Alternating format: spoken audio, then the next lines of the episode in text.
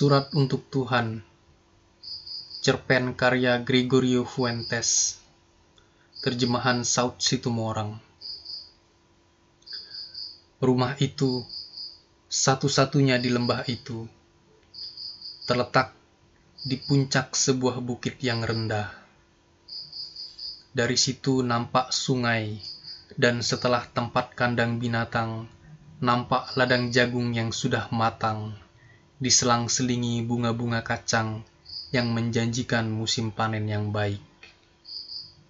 Hanya satu saja yang dibutuhkan ladang itu saat itu, turunnya hujan, atau paling tidak gerimis.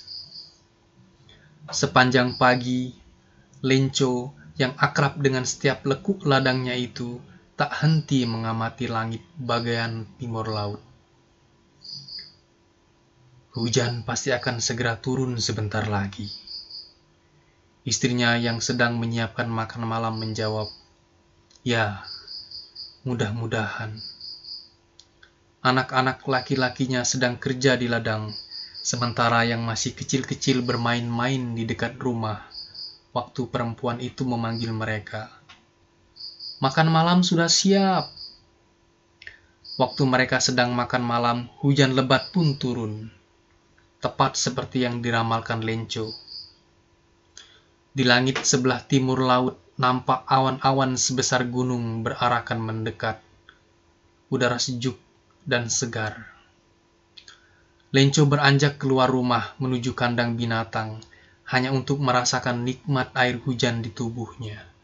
Dan waktu kembali ke dalam rumah dia berseru, Bukan air hujan yang sedang turun dari langit, ini, tapi uang. Gumpalan-gumpalan air yang besar adalah uang 10 kentafu dan yang kecil-kecil 5 kentafu. Dengan wajah puas dipandanginya ladang jagungnya yang penuh bunga kacang diselimuti tirai hujan. Tapi, tiba-tiba angin kencang berhembus dan bersama hujan mulai turun pula batu-batu es yang besar-besar. Batu-batu es itu kelihatan seperti uang perak benaran. Anak-anak laki-lakinya menghambur keluar rumah dan mengutipi mutiara-mutiara beku itu. Hujan ini sudah mulai merusak sekarang, teriak Lenco cemas. Semoga segera berhenti. Hujan tidak segera berhenti. Selama satu jam hujan batu es itu turun menghajar rumah, kebun, bukit, ladang jagung, seluruh daerah lembah. Ladang jadi putih seperti ditutupi garam. Tak satu pun daun tertinggal di ranting pepohonan. Jagung semuanya rusak. Bunga-bunga tanaman kacang musnah. Lenco betul-betul sedih.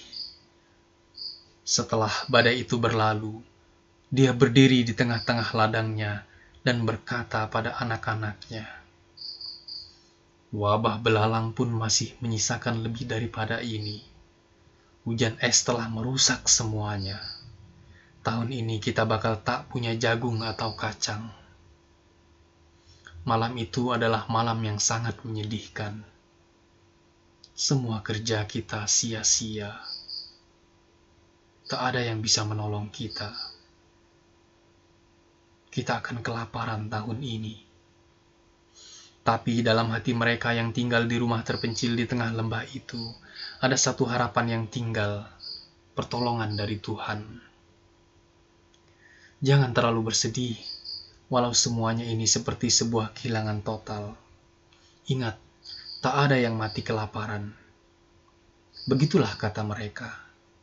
Tak ada yang mati kelaparan.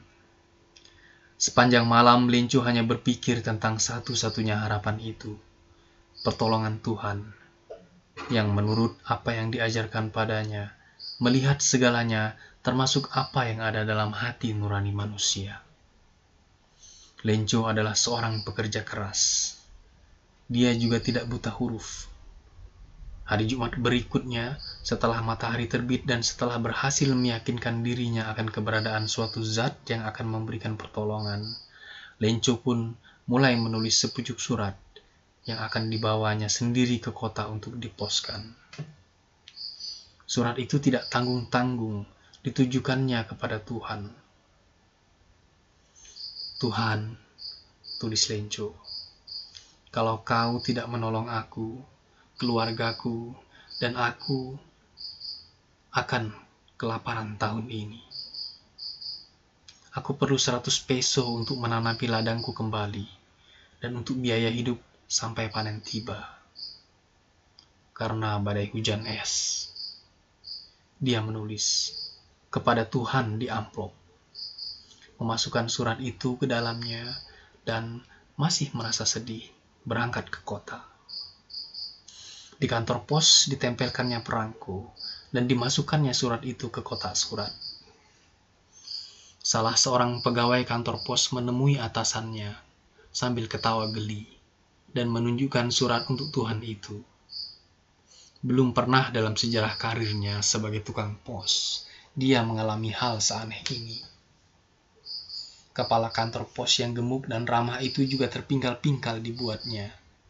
Tapi tiba-tiba dia jadi serius, dan sambil meletakkan surat itu di atas meja, dia berkata, Betapa kuat imannya. Seandainya saja aku punya iman seperti orang yang menulis surat ini. Seandainya saja aku punya keyakinan sebesar keyakinannya ini. Menulis surat kepada Tuhan. Untuk tidak mengecewakan iman luar biasa yang ditunjukkan sepucuk surat yang tak mungkin dikirimkan itu, kepala kantor pos itu mendapatkan satu ide. Balas surat itu. Tapi waktu amplop surat dibukanya, ternyata untuk membalasnya, maksud baik tinta, dan kertas belaka tidaklah cukup. Tapi dia tetap pada pendiriannya. Dia lalu meminta sumbangan uang dari para pegawainya, dan dia sendiri menyumbangkan setengah dari gajinya, sementara beberapa kawannya dengan sukarela juga menambah sumbangan kemanusiaan itu. Tapi tak mungkin untuk mengumpulkan uang sebanyak 100 peso. Maka dia mengirimkan hanya sedikit lebih daripada setengah yang dibutuhkan petani itu. Dimasukkannya uang itu ke dalam amplop yang dialamatkan kepada Lenco, dengan disertai secari kertas yang hanya bertuliskan satu kata sebagai tanda tangan si pengirimnya, Tuhan. Hari Jumat berikutnya, Lenco datang lebih cepat dari biasanya ke kantor pos dan bertanya kalau ada surat untuknya.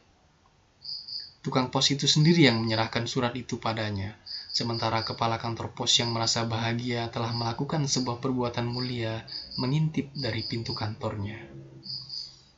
Lencu sama sekali tidak menunjukkan rasa heran waktu melihat uang dalam amplop itu. Begitulah besarnya imannya. Tapi dia malah jadi marah setelah menghitung jumlah uang tersebut.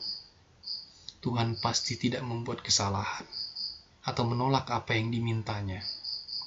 Cepat-cepat Lincu mendatangi loket dan minta kertas dan tinta.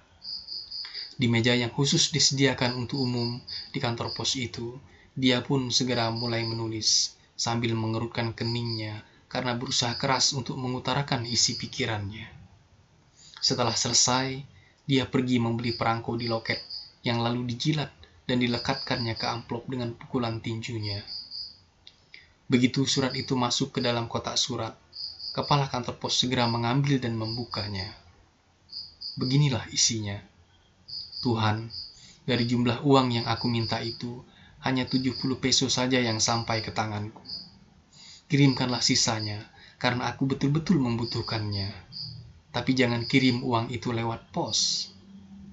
Karena para pegawai kantor pos bajingan semuanya. Lenco